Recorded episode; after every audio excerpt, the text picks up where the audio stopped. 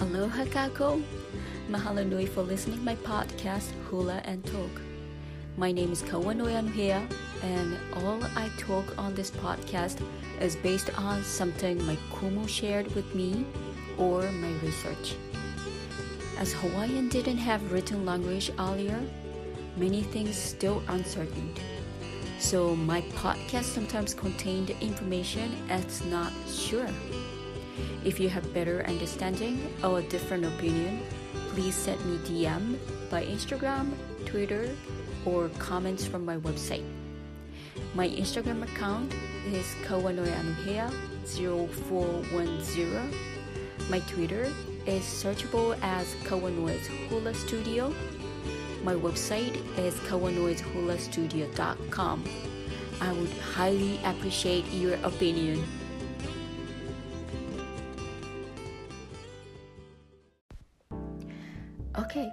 Today I would like to talk about Kamehameha the Great, Kamehameha first.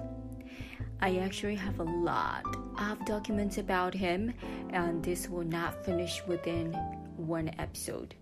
I think I can keep talking about him for five hours.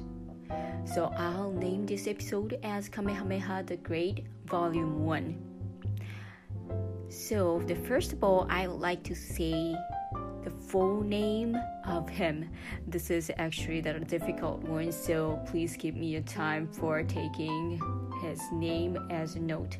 So, his full name is Kalani Paiea Vohi Okaleikini Keali'ikui Kamehameha o Iolani Kaivi Kapu Kau'i Kaliholiho Kunui Akea. Whew, this is such a long name. Why old Hawaiian ali'i has a long name like this? The reason they have a, this long name is because they keep receiving name depend on their life stage. You will see how it happens to Kamehameha through my Kamehameha stories.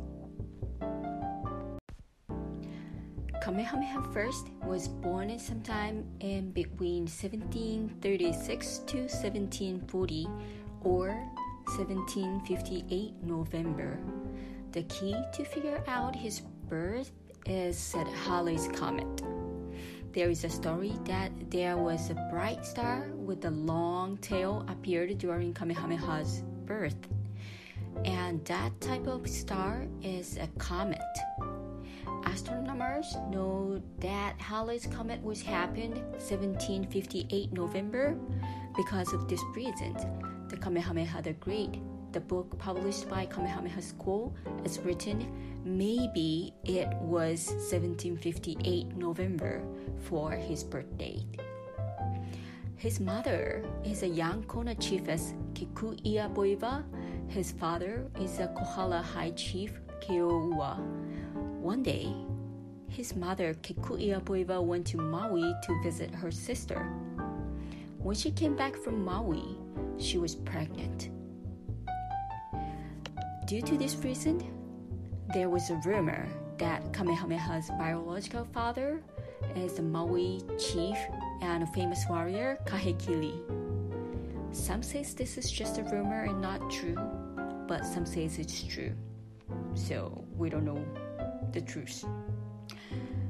Even it is true, it wasn't a big problem. He was still a high chief that has great ancestors through his mother. If this happened in current time, current our lifetime, it is called as a failure and going to be a big problem. However, the old time Hawaii was different, and this was considered as gift. By these things, you can probably tell physical relationship was more casual on the time in Hawaii. Anyway, the Kohala district king at that time is Alapa'inui. The Wikipedia shows he was died 1754, but Alapa'inui is the ali'i who has some stories with Kamehameha. So this doesn't make sense for Kamehameha's birth year, 1758.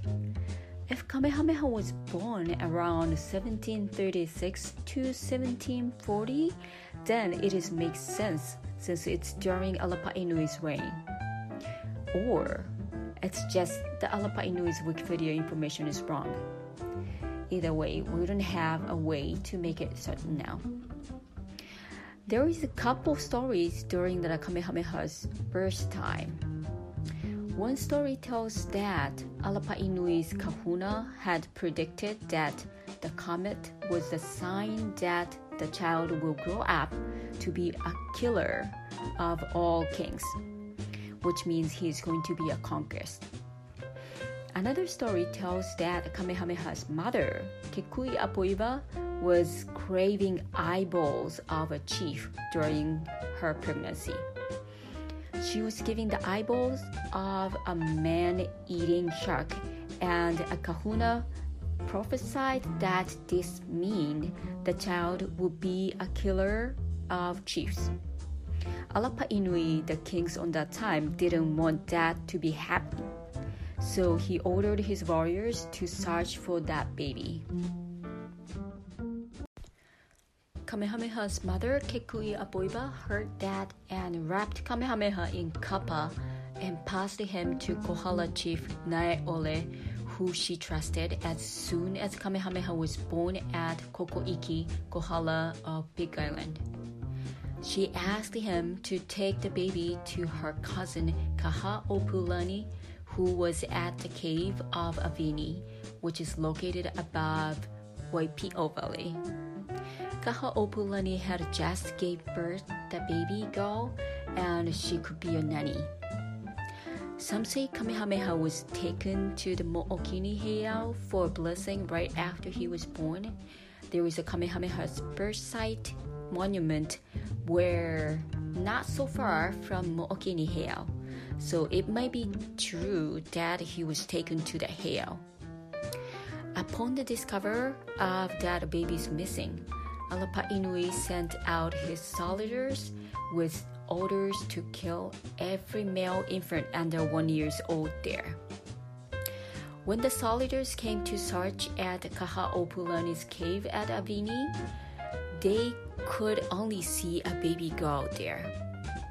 So the soldiers left there, but actually Kamehameha was sleeping inside the basket and it was covered by soft olona fibers.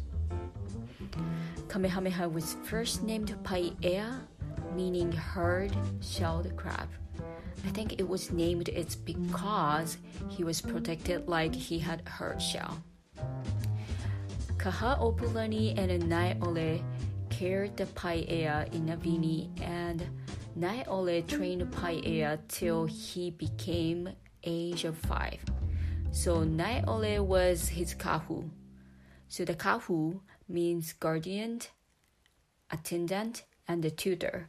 So it's kind of like a caretaker. When Paiea was five, the Ali'i Alapa'inui allowed him to come back to his court. He wasn't afraid that a kahuna's warning about the child anymore. I'm not sure what happened, but somehow his heart was softened by that time. So, the Paiea started to living with his parents, Keo'ua and Kekuiapoiwa at Kailua Kona. It is Alapa'inui who gave Paiea the name Kamehameha, the lonely one. Alapa'inui can be named him Kamehameha because he was the only boy that alive from that first year. While Naeole was trained Kamehameha, all the Ali'i child like him needed to learn leadership. And another things he has to learn is to chant genealogy chants, which showed how the young Ali'i was related to the gods. Kamehameha had to memorize all the name of his ancestors. If the Ali'i couldn't chant the genealogy chant, the person wasn't recognized as ali'i. It is that important to know who they are and verbally be able to say that. Kamehameha is the descendant of Liloa. As Alapainui got aged, Kalaniʻopuʻu, who was Keoua's brother, replaced as king. When Kamehameha was 12, Kamehameha's father, Keoua, became very sick. Keoua asked to his brother, the king, Kalaniʻopuʻu, to take care of Kamehameha. After the Keoua's death, Kalaniʻopuʻu took Kamehameha to his home in Kau and raised him as his own son. I think I should stop over here today. This is a story of Kamehameha the Great early childhood. I'll talk about how he became strong warrior with the next episode.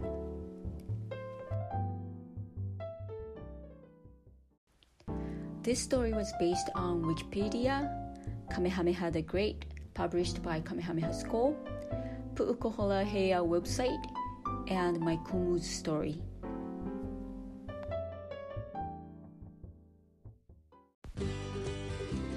Mahalo nui for listening my podcast Hula and Talk. My name is Kawanoe Anuhea. The background music was from censussocket.com by Ambience. If you enjoyed my podcast, please share with your family and friends. And if you have a request or question, please feel free to DM me or contact me through my Instagram, Twitter, and website. Malamapono ahui ho!